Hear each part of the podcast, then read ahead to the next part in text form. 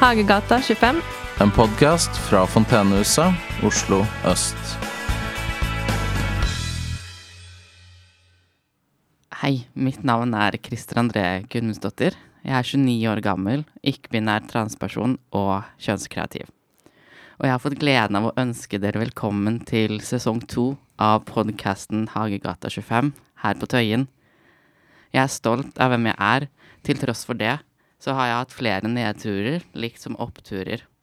Og to veldig store nedturer var da jeg ble fortalt 'kom tilbake til oss' når du har fått ordnet opp i dine store identitetsproblemer. Eller 'du fortjener ikke å leve, du burde dø'. Helt ærlig så raste verden min sammen, og jeg visste ikke hvor jeg skulle gjøre av meg da jeg fikk høre de to tingene. Hva kan slike opplevelser gjøre med helsen vår? I studiodag har jeg med meg faktisk to kjempekule og spennende damer som arbeider med å støtte og veilede utallige mennesker i lignende situasjoner som dere akkurat har fått høre. Begge disse to damene har hjulpet meg til, å, til hvordan jeg skal møte livet mitt. Hjertelig velkommen til deg, Tale, og Ann-Karin. Tusen takk. Uh, så fin introduksjon. Ja, den var flott. Dette året har vært helt sprøtt, og det er helt sprøtt at vi har fått, fått til det her, å kunne møtes her i dag. For verden er jo satt på pause og på vent, men innimellom så åpnes det opp noen sprekker i verden, og så lukkes dem. Og så åpnes dem igjen. Og vi kan alle være enige om at dette er litt slitsomt, og at vi rett og slett er litt lei. Så hva gjør egentlig sånne opplevelser med helsen vår, kroppen, følelser, tanker og slike ting? Blir man lei seg, blir man stresset?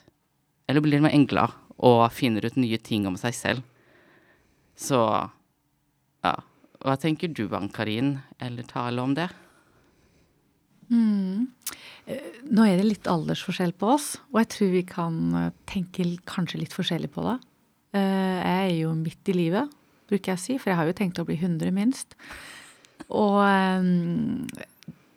livet er virkelig på vent. Eh, Men jeg må innrømme at jeg synes eh, Tenker mer på unge.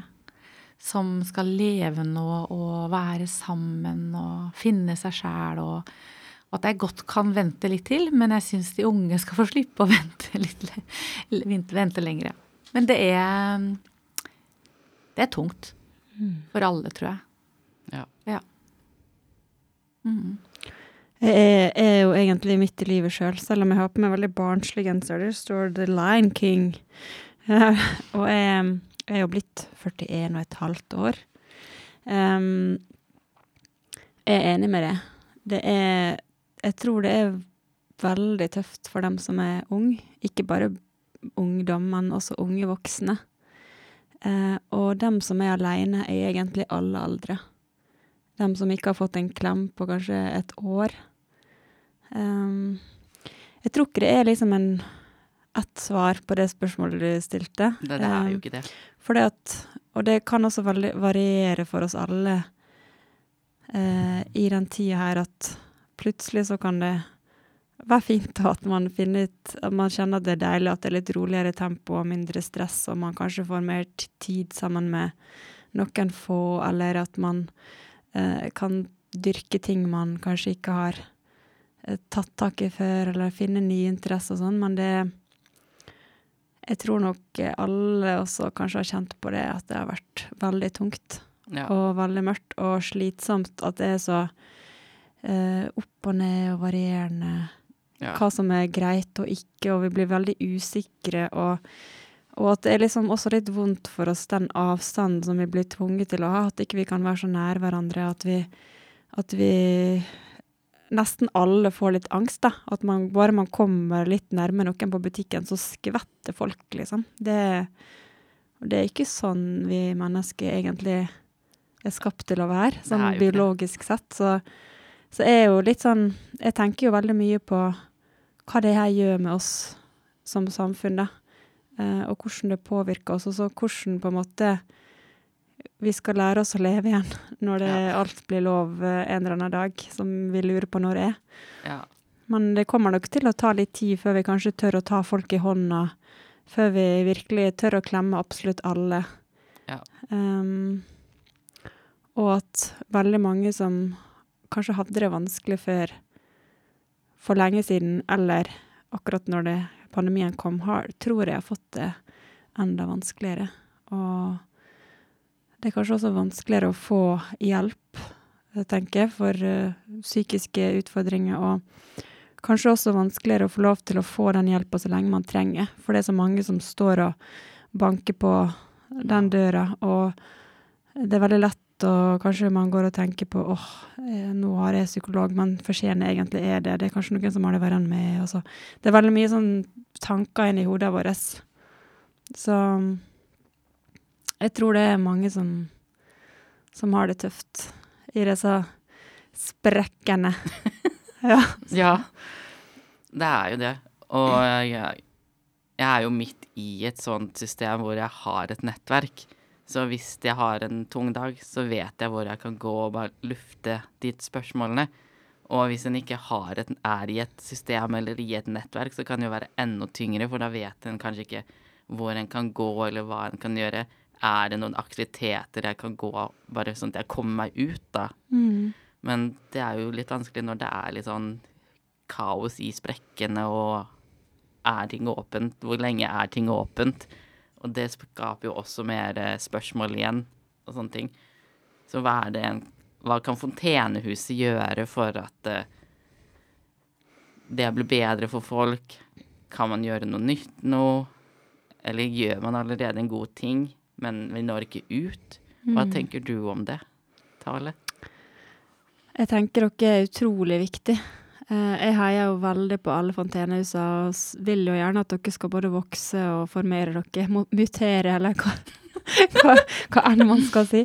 Uh, men uh, det er jo ikke alltid så lett for dere heller, når man blir pålagt å holde dørene låst og stengt, og dere vet jo at veldig mange trenger å, å komme hit og bare få gjøre en liten ting, eller se noen i øynene, eller Eh, det gjør en veldig stor forskjell for mange. Og, og, enda flere hadde nok trengt å vite om dere.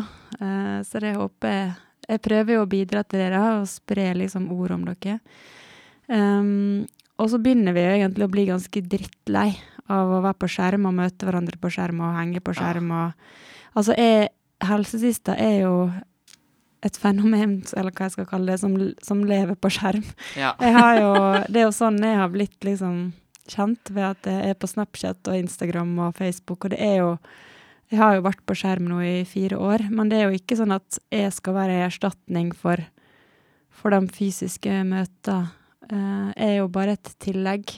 Ja. Og nå når liksom normalen blir mer, da, å være på skjerm, så det, det merker vi at ikke Sånn skal ikke det være. Vi Nei. mennesker, vi trenger å møte hverandre på ekte. Vi trenger å se hverandre i øynene, sånn som vi sitter her og gjør rundt bordet nå. Vi trenger liksom å kjenne på energien til andre. Um, vi trenger å se på kroppen til andre, at måten de har kroppen sin på, viser at de vil oss vel, at de liker oss. For det, sånne ting ser ikke man gjennom en skjerm, og Nei. det kan gjøre at man blir litt usikker på liksom Liker de meg egentlig, eller er de egentlig vennene mine, eller hvordan er egentlig relasjonen vår? For det blir en sånn avstand, på en måte, da, gjennom den skjermen.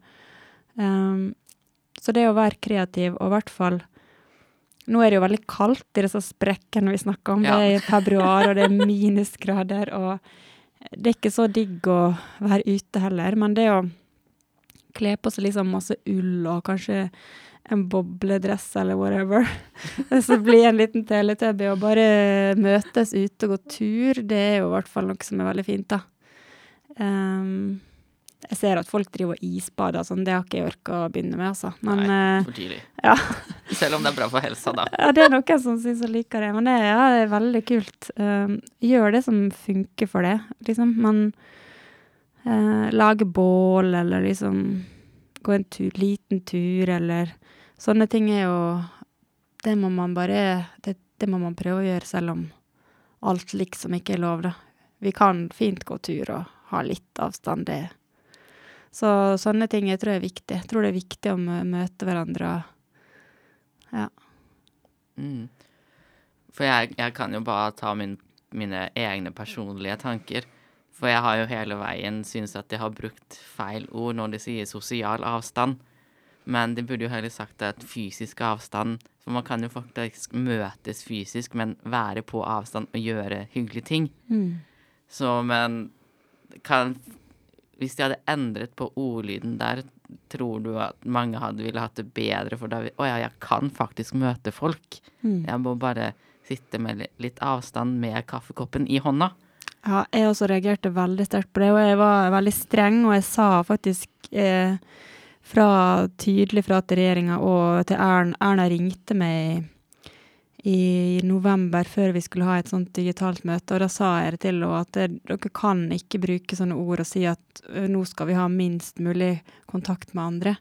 For det er jo liksom eh, minst mulig sosial kontakt, eller jeg vet ikke akkurat hvordan hun sa det, men det var i hvert fall la ut på Insta, det var sånne poster der hun på en måte sto og sa det, og det er sånn Nei, det, jo, det må jo være det motsatte. Nå, akkurat nå skal vi ha mest mulig sosial kontakt med hverandre og med andre, men med fysisk avstand. Ja. For det, det, er jo, det er jo noen som tar de ordene bokstavelig.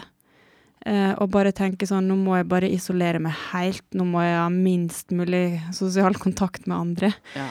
Eh, og det er jo veldig skadelig. Og det er jo liksom Hvis man sliter, så er det jo en av de tinga, første tinga man ofte gjør, det er å isolere seg sjøl.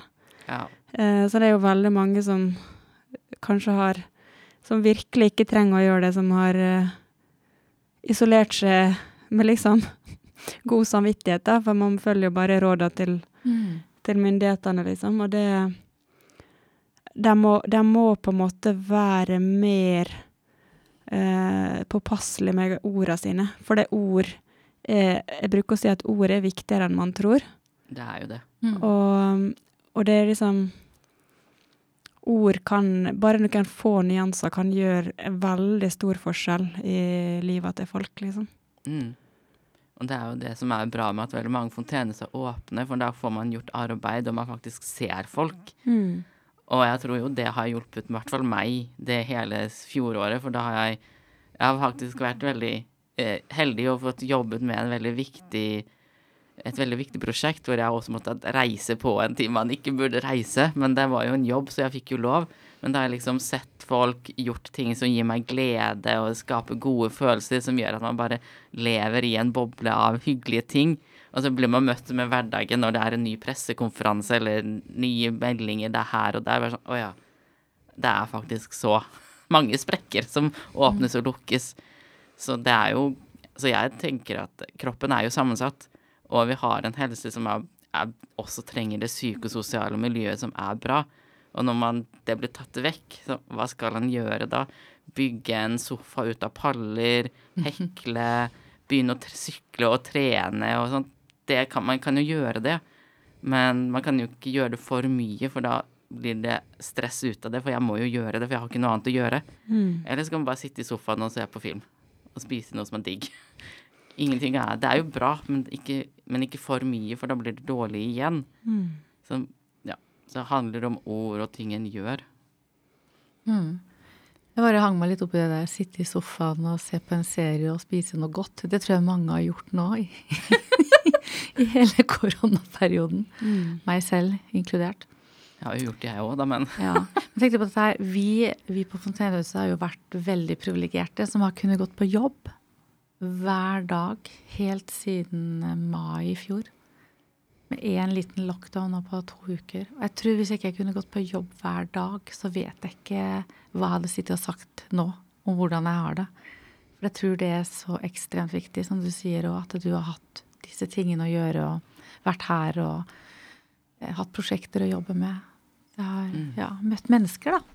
Vi får ikke lov til å klemme hverandre som vi bruker å gjøre, men vi, vi ser hverandre hver dag, og det oppstår fine ting selv om ikke vi klemmer hverandre. nei, vi kan klemme hverandre med å jobbe sammen på avstand. Ja. Mm. En ny måte å gi hverandre klem og støtte hverandre i hyggelige ting, tunge ting. Så man blir jo, knytter jo relasjoner på flere forskjellige måter. Og det er jo et sted man kan gjøre det på et fontenehus. Man får jo et nettverk, man lærer å kjenne seg selv bedre. Jeg har jo, blitt, har jo startet eget foretak opp i en verden hvor alt er kaos. For jeg er ute uten meg. Folk er veldig mye mer på skjermer. Tør å hoppe opp på skjermen den deres. Men det har, jo jeg, det har jo jeg klart å gjøre ved å bruke et tilbud som Fontenus har. Hvis jeg ikke hadde gjort det, så tror ikke jeg hadde turt å sitte her i dag og prate med en som er litt kjendis, da. For det kan jo være litt skummelt. Men så har jo jeg blitt litt kjendis, jeg òg. Så da er det ikke så skummelt allikevel. Nei, vi er jo, helt, vi er jo alle sammen bare helt vanlige folk som tisser og bæsjer og Vi gjør jo det. eh, føler oss ensomme og ja, har det fint og har det kjipt og Ja. Det er jo Altså, jeg tror det er eh, Sånn som for min del, så har det eh, året her vært veldig rart. Jeg kan jo fortelle litt om det. Det var jo Jeg er jo alenemamma for to barn som går på barneskolen. Um, og det var i fjor vår, når det liksom alt stengte, så var det veldig tøft for meg å skulle på en måte kombinere den alenemamma-lærerrolla uh, på hjemmeskolen for to barn som bare hvert andre minutt 'Mamma, mamma', som måtte ha så mye hjelp. Um, og så var telefonen min, Snap-kontoen min spesielt, det var så mye meldinger fra Ja. ungdommer som satt alene, som hadde det vanskelig, som ikke skjønte bæret av hjemmeskolen sin, eh, som savna vennene sine, som lurte på hva som skjedde, og som etter hvert trengte bare mer og mer trøst. Eh, sendte så masse digitale klemmer. Og Mange hadde det Mange ble ensomme. Mange skjønte at oi, jeg er ikke den vennen som blir valgt. Når det bare man fikk lov å velge seg én klemmevenn eller fem venner eller ti, så var det liksom ganske mange som ikke blir valgt. Um, og noen syntes det var fint å være på hjemmeskolen òg, for da slapp man å møte på skolen der det var kjipt. Som jeg tenker det sier mer om at vi har en jobb å gjøre på skolen, ikke at det er hjemmeskolen som er målet, skulle jeg si. Men um, veldig mange hadde det tøft, og det var Det ble altfor mye for meg, rett og slett. Så jeg, jeg ble deprimert i fjor vår. Var Jeg har skrevet noen dikt som jeg har lest nå som bare sånn Shit, det her var mørkt. Um, så jeg begynte jo Jeg kjøpte jo med en sånn seilbåt, jeg, i fjor sommer. Jeg hadde gått på seilkurs i et, fra fredag til søndag, og så kjøpte vi en seilbåt for å seile alene på det, det store havet, Oslo, indre Oslofjord.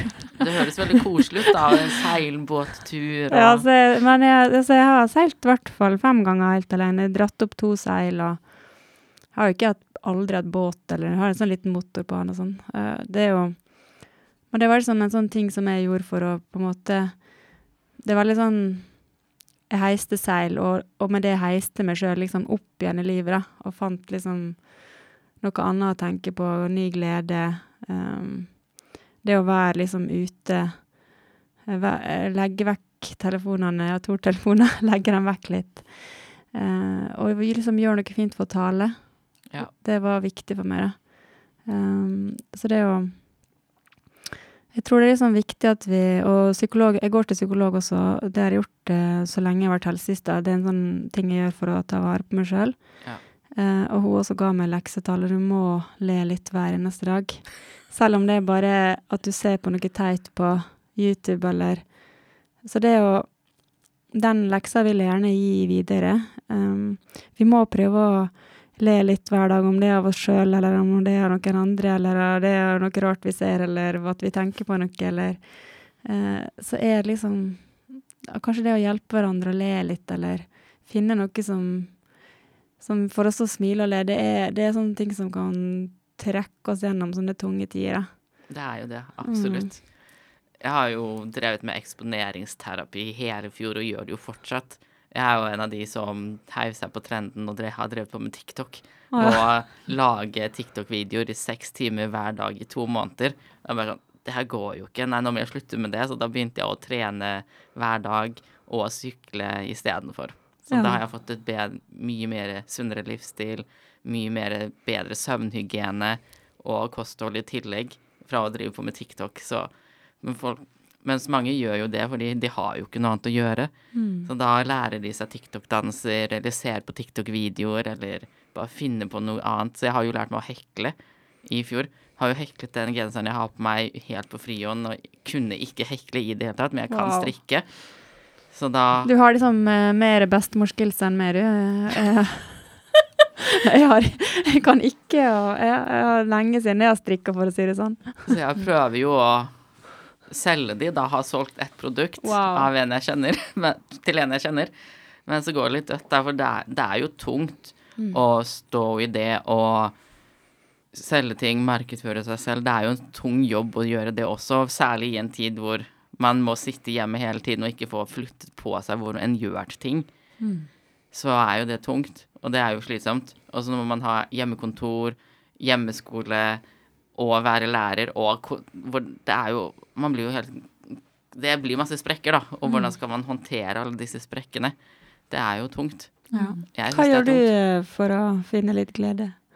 Å ja Jeg pusler. Mm. Det er en sånn eh, deilig mental flukt for meg. Med masse, masse brikker, masse kaos, og så kan jeg sette meg helt ned, tømme hodet helt og bare ha fokus på det. Ehm, jeg strikker. eh, går turer. Mm. Ja. Så, så Hvor liker du å gå turen, da? Eh, jeg bor oppe på, eh, ved Østensjø. Uh, nå, hva heter det? Oppsal heter det. Jeg har ikke bodd der så lenge, så jeg husker ikke hva det heter der jeg bor.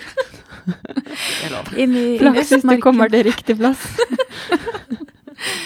Rundt Østensjøvann, eh, opp til Skøyen hovedgård og litt rundt i der jeg bor for å bli litt kjent. Ja. Ja, og ha noen eh, gode venner å gå tur med. Ja, Jeg er ikke så god på å gjøre ting aleine. Jeg liker å ha folk rundt meg. ja. Mm. Men jeg ble veldig sånn nysgjerrig på det du sa i stad om at du hadde litt tungt i fjor. Og, og jeg tenker på at du er helsesista og skal være der for så mange mennesker, unge mennesker. Hvordan klarer du Jeg tenker at det, Hva skal jeg si for noen ting? Du får sikkert mange historier. Mm. Eh, det er sikkert mange som, eh, som tenker at eh, de har én person å snakke med, og det er helsesista. Ja, og så er jeg ikke, er heller ikke, er egentlig ikke heller den personen, for jeg kan jo ikke drive og følge opp folk, Nei, eller, og så er det liksom nei. tilfeldig hvem jeg svarer, og så svarer jeg bare på Snapchat og ikke andre plasser, eller så blir det for mye for meg. Ja. Men øhm, jeg har jo prøvd å si fra veldig tydelig. Eh, jeg er sikker på alle toppolitikere når de hater meg, eller de hater meg ikke, men de bare sånn Å, hun helsesøster driver og tagger oss i hjel på Instastory og sånn. men det er jo Jeg har jo prøvd å si fra i elleve måneder nå at det her, vi må huske på den psykiske helsa. At alle tiltakene dere setter inn, det får konsekvenser for folk som på, for, påvirker folk Mm, psykisk. ja. Ikke bare barn og unge, men også alle aldre. Mm. Og jeg er også veldig opptatt av Eller sånn, alle barn og unge er jo også sammen med voksne. Og hvis voksne har det vondt, så har også barna det vondt. For at man blir veldig påvirka av alle man har rundt seg, og hvordan de har det. Eh, sånn at vi må liksom Jeg har liksom savna at de på en måte snakka mer om den psykiske helsa, og at de, når de f.eks. kom med tiltak med at man måtte ha hjemmekontor, at man da også samtidig kom med tiltak hvordan man skulle ta vare på den psykiske helsa. Em, jeg kommer aldri til å tilgi dem for at de ikke har tatt bedre vare på unge voksne og studenter, Mm. som fremdeles sitter alene og liksom Hvorfor har ikke de trafikklysmodell på høyskoler og universiteter? Hvorfor kan ikke de deles inn i kohorter? Jeg skjønner ikke hvorfor de ikke tar vare på dem, da. Eh, at man er ikke liksom Man er ikke klar til å klare seg helt alene i verden uten noen når man er liksom i, i starten av livet, liksom voksenlivet sitt. Nei. Så det kommer jeg aldri til å tilgi dem. Eh, og ja, det syns jeg er så vondt. Og det er liksom sånn det, det, det er ganske krevende for meg å ta imot Jeg tar jo Hvis jeg spør på Instagram hvordan har dere det, og legger ved den lille spørsmålsbuksa Altså, det er da får Jeg bruker å si det, det er som å få en tsunami av mørke, vonde følelser og tanker. Folk som så vidt ikke orker å holde ut, liksom. Og det må, Det er nesten sånn at jeg fysisk må spenne på en måte kåren, liksom eh, kjernemuskulaturen i kroppen for å ta imot alt som kommer. Eh, for det er det er liksom Det er som en storm som kommer mot meg, liksom. Eh, så jeg kan ikke jeg, jeg må liksom Hvis jeg skal spørre, så må jeg på en måte eh, syk, liksom nesten syke meg litt opp, eller være klar for det. Det kan ikke være sånn at jeg er kjempesliten, for det, jeg må tåle å ta imot det. Mm. Eh, og jeg syns det blir nesten tyngre og tyngre å spørre, for det at det er flere og flere som har det vanskelig. Og, og jeg, og jeg syns det er veldig fortvilende at vi ikke har liksom politikere og, og helsemyndigheter som på en måte har tatt det nok på alvor, da, at de skal vente. Nå, nå ser det ut som flere begynner å si fra, nå begynner de å snakke litt mer om det. Men det har snart gått et år, og liksom nå begynner tallene å komme på hvor mange som sliter, hvor mange som Alle sier at alle, det er oppblomstring på alle buppene i hele landet på spiseforstyrrelser og selvskading og depresjon og psykose og sånn. At man skal Måtte man vente så lenge? Er det liksom Skal man eh, Jeg tenker sånn OK, det er en pandemi, det er krisetid for verden. Det, det er helt uunngåelig at ikke vi også får det vanskelig psykisk, men vi, jeg, ten, jeg tenker at vi kunne gjort så mye mer tidligere, da. Mm. Eh, og at alle kommunene kunne satt inn tiltak, at alle hadde liksom ja, litt sånn kriseberedskap, at det alltid var noen å snakke med. og vi ser, De vet jo at det er bare eksempel, De sier snakker så fint 'Å, ring hjelpetelefonen', liksom. Til Mental Helse, men de har jo en svarprosent på under ca. 50% så det er ikke alle som kommer gjennom der når de trenger noen å snakke med. Nei. sånn at og Jeg, jeg tenker at du med denne helsesista har avdekka et enormt behov for unge til å ha et sted å henvende seg, ha noen å snakke med. Har, har på en måte politikerne Ser de det, og går det an å se på løsninger? Eh, ikke, ikke, jeg tenker ikke at vi skal ha helsesista gange gange ti i Norge, men, eh, men eh, du har jo avdekket et stort behov mm. for unge mennesker som trenger noen å snakke med. Ja, jeg tenker liksom Jeg er sikker på at veldig mange av dere som hører på nå, kanskje som bruker Fontenehus og um, har liksom erfart at det har liksom gått for langt før dere fikk hjelp. Dere har virkelig havna utafor skolen og jobb, og uh, at hvis det hadde vært på en måte mer ressurser tidligere i livet deres, hvis det var flere voksne fra dere var i barnehagen eller barneskolen som hadde tid, som virkelig så dere, som viste at de brydde seg, så kunne det gått en annen vei. At liksom Jeg tenker at man For det første så det, gjør, gjør man altfor lite forebyggende arbeid fordi at det ikke er lovpålagt, og hvis det ikke er lovpålagt, så blir det ikke gjort fordi at voksne bare er opptatt av å gjøre alt riktig i forhold til det som er eh, liksom instruks eller lov eller ja. Um, og så har jo på en måte eh, behandlinga i psykiatrien bare blitt bygga og bygga ned. Liksom en sånn ostehøvel der man bare har skåret ned og skåret ned, og eh, samtidig, liksom, som flere har fått det vanskelig.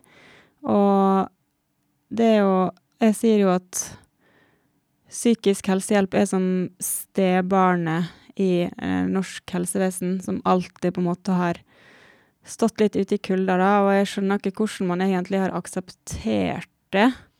Nei. Jeg syns det er så flaut, da. Og hvorfor er det liksom Hvorfor er det liksom helsevesenet så mye bedre på alt som har med fysiske ting eller andre sykdommer å gjøre, og så utrolig mye dårligere når det gjelder det psykiske, som er Vi er jo hele mennesker, og jeg, jeg forstår ikke hvordan vi liksom har akseptert det, og at Ja, det skulle vært kanskje en Sånn som fastleger, så burde alle hatt en sånn fast psykolog, da, som man bare kunne ha ringt ved behov, liksom. Mm. det er så mange ting som kunne vært gjort annerledes, og både forebyggende og liksom når man først begynner å slite, at vi skal gå så lenge og Mm. bli så syke før vi får hjelp, at vi liksom til og med blir så syke at man ikke vil leve lenger, og til og med da er det vanskelig å få liksom god hjelp. Det, Mhm. jeg forstår ikke hvorfor det er sånn. Noe av det kan jo være fordi det det er jo dyrt. Egenandeler og sånn. En akupunkturtime kan jo koste nesten 1000 kroner ved første konsultasjon. Og det er jo ikke alle som har råd til det hvis det er den type helsehjelpen de trenger. Men det er jo dyrt å gå til psykologer, det er dyrt å gå til tannlege f.eks. Og jeg går jo inn i, i mitt nettverk, så har jeg jo kun ting som er gratis å gå til. Fordi jeg vet det koster ikke meg noe som helst. Jeg får utbytte av det, og jeg får nettverk jeg senere kan ta med meg inn i livet mitt, som jeg kan også henvise andre til. Men det er jo ikke alle som vet om det heller. Og når når til og med når alt blir stengt og man ikke kan møte det en allerede har, hvordan skal man finne nye, nye steder få hjelp fra da, som man også vet at er, er det er mangel på kapasitet, da. Mm. Så for min del så er det jo fordi ting er dyrt, og jeg, min økonomi er jo ikke all verdens. Fordi jeg er i limbotilstand når det gjelder jobb- og utdanningsmarkedet. Som heldigvis nå sakte, men sikkert åpner seg, håper jeg. Hvis ikke så er det jo å bo på gata og bli ufør. Mm. Noe som er helt uaktuelt for min del. Syns flere rundt meg også. Men det er jo fordi ting er dyrt. Ja. Og veldig ofte så syns ikke fysiske, usynlige plag, kroppslige plager de, de, er, Alle syns ikke utad. Og hvis en ikke kan se at en har utfordringer med noe, så blir de kanskje ikke høyst prioritert. De bare sier ja, sov bedre, legg telefonen nede på stolen istedenfor oppe ved senga, så sover du bedre. Men det er jo ikke alltid slik tilfellet er. Mm. Og hvis man ikke ser det, så er det vanskelig å behandle det. Man ser at man har brekt en arm, for da stikker jo beinet ut. Mm. Så kanskje det ligger noe der. Jeg vet ikke. Det er jo bare synsing, men Mm. det er mine tanker. Ja, som gjør at det liksom har blitt mindre prioritert, Ja. tenker du? Ja. Dette kan sikkert klippes ut etterpå, men jeg må faktisk stikke. Så jeg lurer på om dere vil det Dere kan jo fortsette praten. ja. Det hadde en veldig fin eh, Oi, klokka er halv fire, ja. Ja. Men eh, veldig hyggelig å hilse på deg. Du er så fin å høre på. Takk. Så prat. Prat mer, du også, Christer André. Vi kan prate litt prate Det kommer mye fint ut av dette her. Ja. Håper det, i hvert fall.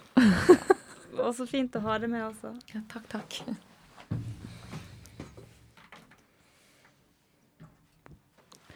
Finner ut av det senere. Kan Mm. klippes bort.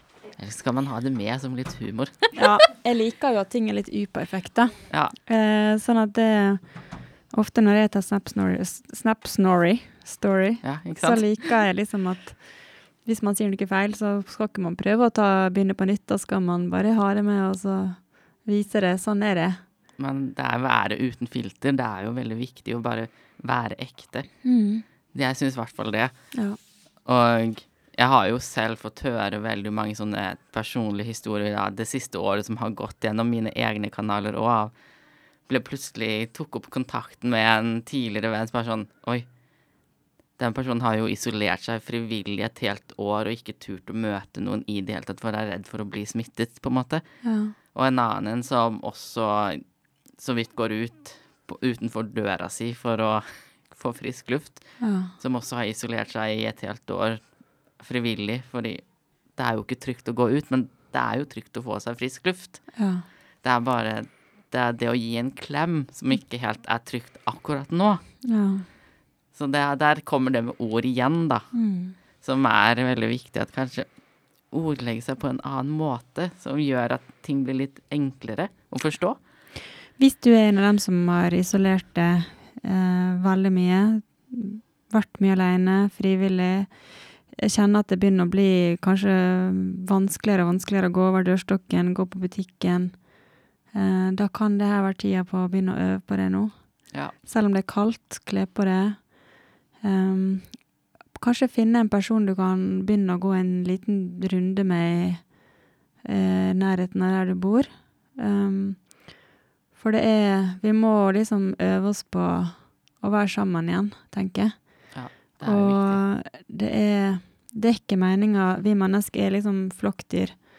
Vi er meint til å være sammen og støtte hverandre og hjelpe hverandre og heie på hverandre.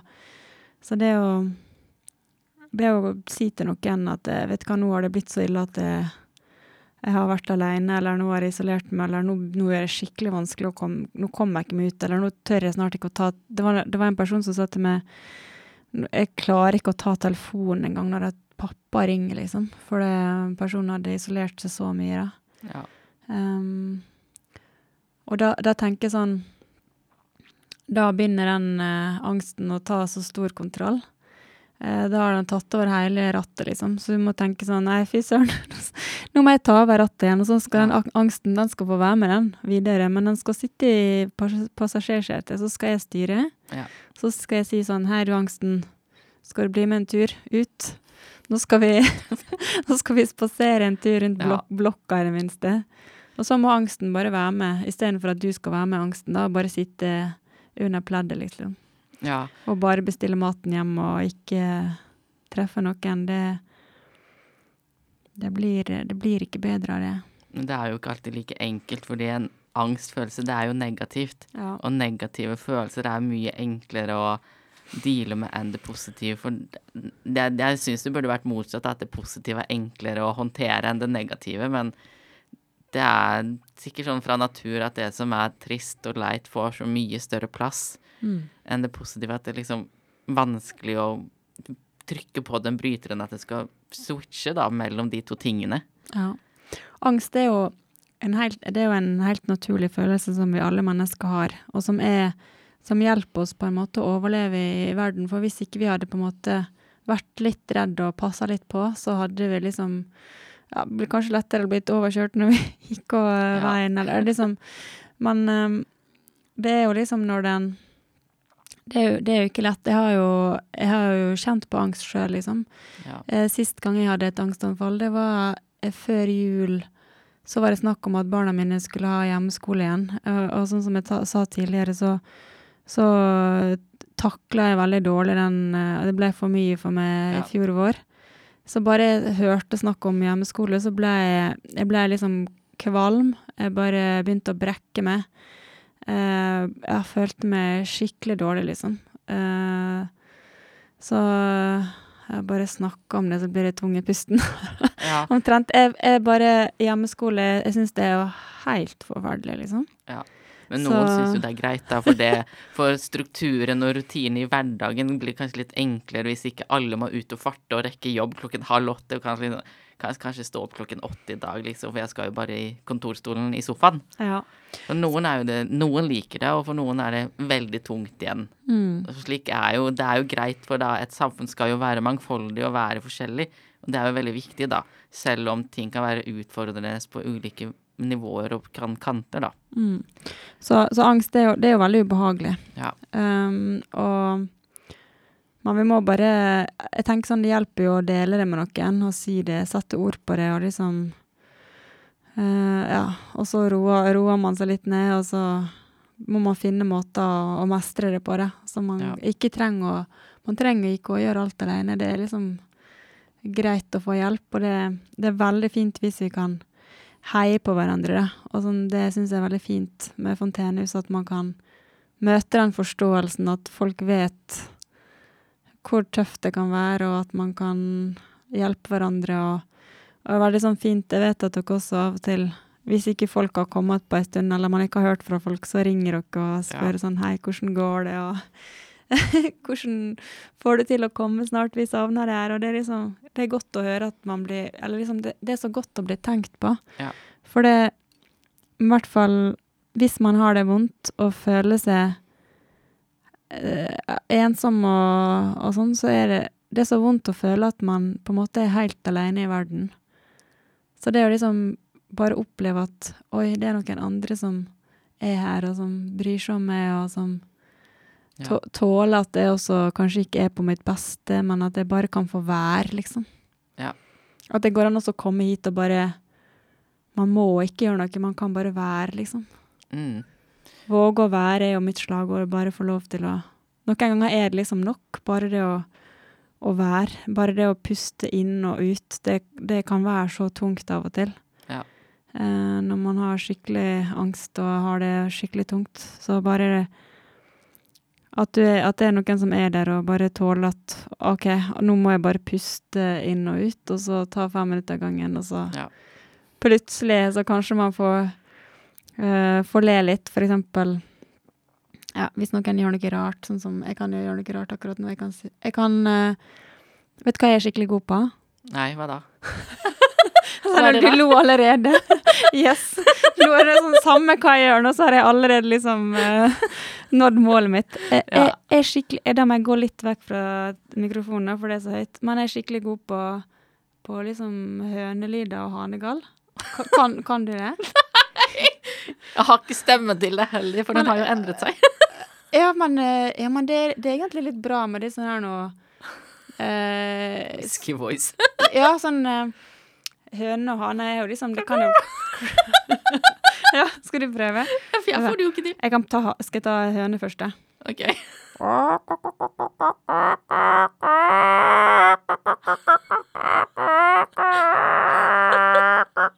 Jeg får det ikke til. Får det ikke til. Jo, Nei, jeg, jeg syns jo ikke det, da, men, men for det, hønene er jo litt sånn Om, de, om stemmen cracker litt, så er det, det er en fordel, det. ja, Uh, og så hvis du tar Jeg har perfekt stemme til å lage hønelyd, da. Ja. er ikke det sånn eh, bondegård her oppe på Kampen? Du kan ha dem høner der? Det er jo sånn bondegård da. Jeg gikk syklet en tur og bare sånn Hvorfor er det en bondegård midt ute i boligstrøk? Så ble jeg nysgjerrig, men det var jo stengt. Å ja. ja, for veldig, det. jeg syns det er veldig gøy å gå og prate med dyra og prøve å lære med lydene deres og sånn. Så det er jo høne, og så kan du ta hane som er sånn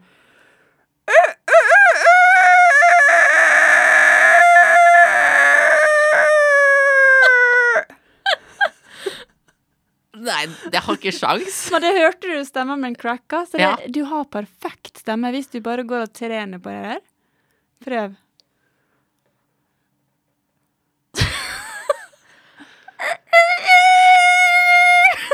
ja, kjempebra! Nei, men Og nå er det sånn, alle som OK, alle som hører på den podkasten her, nå er det bare å åpne opp vinduet, og så er det å øve seg på å hane gal ut gjennom vinduet. Bare.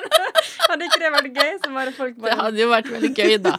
Men humor er jo veldig viktig, for Ja. da, det jo, sprer jo glede, og folk ler, og en god latter forlenger jo livet også, blir det jo sagt. Om det er en myte, det vet jeg ikke, men Nei, jeg tror det er sant. Altså, vi trenger Ja. å le. det er viktig å le. Ja. Trene muskulatur, magemuskulatur. Det er derfor jeg prøver alltid å bare vise liksom hvor jeg liker å være sånn rar. Jeg er rar. Og jeg er sånn, hvis ikke jeg får lov til å være rar, så, så har ikke jeg det bra som menneske. Nei. Men det er viktig. Så det å få lov til å være seg sjøl, altså sånn som du starta innledninga med, at, at på en måte noen sier at 'kom tilbake når du har funnet ut av identitetsproblemene dine', eller liksom 'du fortjener ikke å leve fordi at du er så annerledes'. Det, tenk oss liksom sånn Det er jo det som er fint, at, at du kan være hele deg sjøl, at du Ja. kan få lov til å uh, fortelle hvem du er, at du kan være rar, da. At liksom Åh, jeg elsker folk som bare er seg sjøl, og, som- og som er litt ekstra rare, eller nerd på et eller annet ved at de eh, blir kjempeengasjerte om enten det er liksom motorer eller hekling, eller eh, lage kremmer, eller liksom Bare når du ser at liksom folk begynner å stråle i øynene når de snakker om liksom det de liker, og Ja. sånne ting elsker jeg. Og da blir det sånn, selv om ikke jeg interesserer meg for det i det hele tatt, så blir det helt sånn åh, fascinert og bare oh. Så Ja. ser jeg på den personen som bare lyser opp og bare stråler i øynene sånn. Jeg tenker sånn Vi må gjøre mer av det som får liksom øynene våre til å stråle. Ja. Eh, og vi viktig. må eh, klatre i trær som jeg liker å gjøre, eller balansere på gjerdet, eller lage hanegale, eller være, være litt rar, da. Og så Hvis jeg gjør sånne ting, så kan andre tenke OK, hun der er i hvert fall gal, liksom. Og rar. Så da, da kanskje ikke er så ille likevel, da. For ofte går jo man og lurer på er det noe galt med meg, eller jeg er helt uh, merkelig eller feil, eller er det jeg som er sprø i hodet, liksom. Så Mm. ja. Altså Vi har jo stilt følgerne våre Vi har gitt følgerne våre beskjed om at vi skal ha en sånn podcast-episode med deg. OK. Og da har jo de sendt oss noen spørsmål. Men jeg føler egentlig at du har svart på dem allerede uten at jeg har stilt dem. Det syns jeg har vært, veldig, har vært veldig interessant. Oi, såpass. Men et av dem er jo hva er det beste med å være helsesist, da? Ehm, det er alt det Det er alt som jeg lærer um, av dem som følger med, og som jeg snakker med, og som jeg kan på en måte formidle videre. Eh, det, på, det å nå liksom ut til veldig mange på en gang med eh, informasjon og ting som jeg opplever er viktig og meningsfullt, da. Enten det er liksom kunnskap eller kjærlighet eller glede eller Ja. eh, så er det på en måte å få lov til å eh, gjøre noe som er så fint og meningsfullt, og være stemmen til så mange, for det handler ikke om meg, liksom. Det, det er jo alle dem som jeg er, er der for, og dem jeg er der for, det, det er liksom helt frivillig. Det er dem Ja. som vil uh, velge å følge helsesista. Så jeg tenker sånn Det å, det å få nå mange på en gang, og så er det å få hver Gjøre en forskjell for bare ett menneske. Ja. Det, i, I det spennet er liksom det beste med å være helsesista. ja, det er veldig hyggelig å høre. Det er det beste.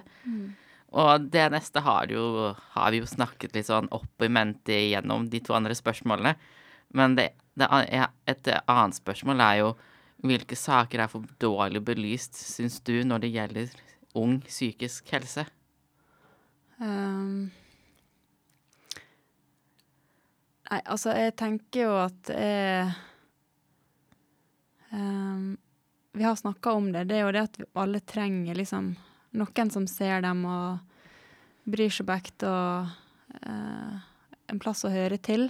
Og at eh, når man når man liksom kutter ned, sånn som under pandemien, da hele tida lukker vekk, stenger ned det som som gjør en forskjell Ja. for unge mennesker, så blir det vanskelig. At det er veldig mange som går og strever med ulike ting, som kanskje har ulike diagnoser, eller som har det vanskelig hjemme eller andre plasser i livet sitt, men som klarer seg ganske fint, og som fungerer ganske bra, fordi at man har faste holdepunkt som skolen, eller en plass man går på fritida, eller jobben sin, eller sånn. Og så når det blir tatt vekk fra en, så mister man liksom alt. Ja. Og da Sånn at det får store konsekvenser, da. Så jeg tenker at det er jo noe som jeg ikke har sett vært belyst nok, eller eh, at kanskje ikke politikerne eller helsemyndighetene helt har forstått hvor alvorlig det er å drive og stenge ned alt hele tida. Det får det, får det, det kommer til å Man må bruke, kommer til å måtte bruke lang tid å reparere det, ja. tror jeg. Da er det bedre å begynne nå enn om to år. Ja.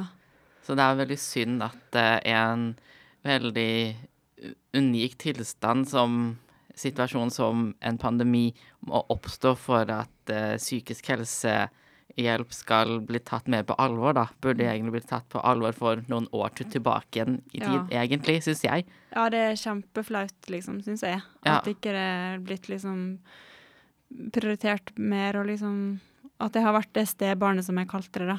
Det Jeg forstår ikke det. Det er jo altså Hvordan vi har det i tankene og følelsene våre, som er det psykisk helse er, det påvirker jo hele livet vårt, og alt vi gjør i livet vårt, om det er liksom Om vi går på skole, eller om vi går på jobb, eller om hvem vi møter i, i hverdagen vår, det påvirker jo alt. Ja. Så det er jo Egentlig så er det jo det det viktigste av alt. Ja. Og så kan man ta det andre etterpå. ja. Jeg er veldig enig der, og det tror jeg flere også er. Ja. Og der, og der kommer man jo inn på noe som vi også har pratet om. Men hvilket inntrykk har du av Fontenehuset og hva vi jobber med? Um, jeg har jo blitt kjent med Fontenehus etter jeg ble helsesista, og ble invitert hit for første gang for å holde et foredrag på verdensdagen, som er, begynner å bli noen år siden nå. Tre år siden, kanskje. Um, og jeg har jo blitt mer og mer glad i Fontenehuset. Jeg har snakka med eh, unge voksne som har fortalt meg hvordan, også ungdommer, hvordan Fontenehuset har gjort en forskjell i livet deres, liksom. Eh, til og med folk som eh, hadde falt utafor alt, som har begynt å gå på skole igjen, eller begynt å jobbe igjen, eller fått seg nye venner, eller liksom fått en grunn til å leve, føler de, da. Eh, så jeg, jeg heier veldig på Fontenehuset, og jeg heier veldig på alle som bruker Fontenehuset. Og alle dere som gjør små ting hver eneste dag for å eh, våge å være sjøl, og for å hjelpe andre til å våge å være. Små ting som ingen andre legger merke til eller vet om, eh, som kanskje bare du sjøl vet om. Det er liksom sånn Det er det som gjør hele forskjellen, og jeg tror at Fontenehus kommer til å vokse. Ja. Eh, jeg kommer til å hjelpe til, i hvert fall, med å gjøre det jeg kan for å framsnakke snakke fint om fontenehus. Og um, jeg håper at det kan bli mer samarbeid med videregående skoler som kan forhindre ungdommer å droppe ut av skolen, f.eks. Um, at det blir enda mer samarbeid med BUP-ene. Eh, ja, for det Vi mennesker, vi tåler veldig dårlig å liksom skulle gå aleine og klare oss sjøl når det Og vi kommer, vi kommer alle sammen i vanskelige perioder i livet. Ja. Men det betyr ikke at det skal være sånn for alltid. Så da, da må vi Vi må ha et sted vi kan høre til, og et sted der vi kan få være oss sjøl og bli akseptert akkurat sånn som den vi er. Ja. Sånn som du opplever her, da. Og det er jeg så takknemlig for. Eh, at du liksom kan komme og liksom forstå at OK, selv om noen har sagt skikkelig kjipe ting til meg, eh, så handler ikke det om eh, meg, det handler om deres manglende kunnskap og forståelse Ja. av at vi, vi er alle sammen forskjellige. Ja. Eh, og det å få komme og, og være deg sjøl. Christer André, her blir du liksom akseptert. Eh, og får lov til å være deg sjøl, og du kan blomstre, og du kan utvikle det som et vakkert hekleteppe i mange forskjellige farger. Og, Det har jeg gjort òg. ja, Lagd syv plagg. Ja. Ja. Og det syns jeg er fint. Så er heier jeg veldig på dere alle sammen. Ja. Og jeg vet at dere heier på meg. Yes! Ja, vi heier jo selvfølgelig på deg, og det er jo mange som også gjør det. Og så er det sikkert mange som er redd for å si det òg, for det er jo skummelt Mm. når man er litt sånn kjendis. Å ja, men det er Uff, ja. Det er ikke så det, er det, er ganske, det er litt kjipt med sånn eh, kjendisgreier, for det er liksom akkurat som om jeg er noe annerledes eller viktigere eller sånn Men det enn andre. Det. Men det er liksom Alle mennesker har akkurat samme verdi, da. Ja. Uansett om man er statsminister eller om man sitter med en eh, kopp foran seg på gata, så er man akkurat like viktig. ja, Og- det er jo det. Alle er en uh, gullskatt på jorda, så du som hører på nå, du er en gullskatt på jorda. Ja, Og det er du også.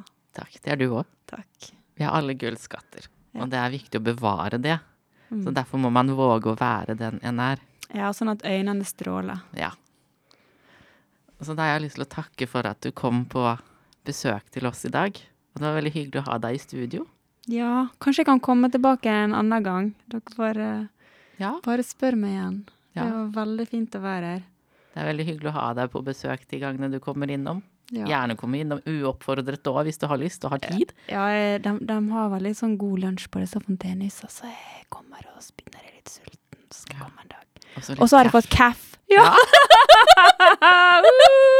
Jeg liker er ordet, jeg. Ja, ikke sant? Kaffe er et sånt ord er med, skrives med ære. Det er sånn, det er sånn ord som jeg har funnet på. Egentlig nå under korona. Jeg har bare sittet hjemme og drukket kaffe og liksom prøve å ha det litt hyggelig med meg sjøl. Ja, Og så har rekehår. At liksom håret bare står litt sånn pistrete i alle retninger og sånn. Hvorfor rekehår, da Altså, da piker man i livet hvis man har Ja. rekehår, da. Jeg er ekstremt ekstrovert, og det å bare sitte hjemme i et bøttekovertrom Jeg bor i et kollektiv, vi er seks stykker totalt, Ja. og så gå Det går jo ikke. Da må man finne på noe. Ja, ok, Da får jeg bygge en sofa ut av pall, da, som jeg har sagt tidligere også. ja. Jeg har jo ikke gjort det, da, siden ingen turte å hjelpe meg, fordi det kan være smitte på pallene. Å ja. ja. Men plutselig en dag. Plutselig en dag så kommer sofaen av pall. Ja. Nei, det ble hekling istedenfor. Ja. Så det er gøy, det òg, da. Men da får vi bare, skal vi bare ønske dem som hører på, For å ha en fin dag og lag Jeg bruker å si lag en, fin, lag en så fin dag du kan. Lag en fin dag. Legg merke til små happy moment. spre glede med å være den du er. Med å våge å være den du er på alle mulige måter. Ja. Ha det! Ha det bra.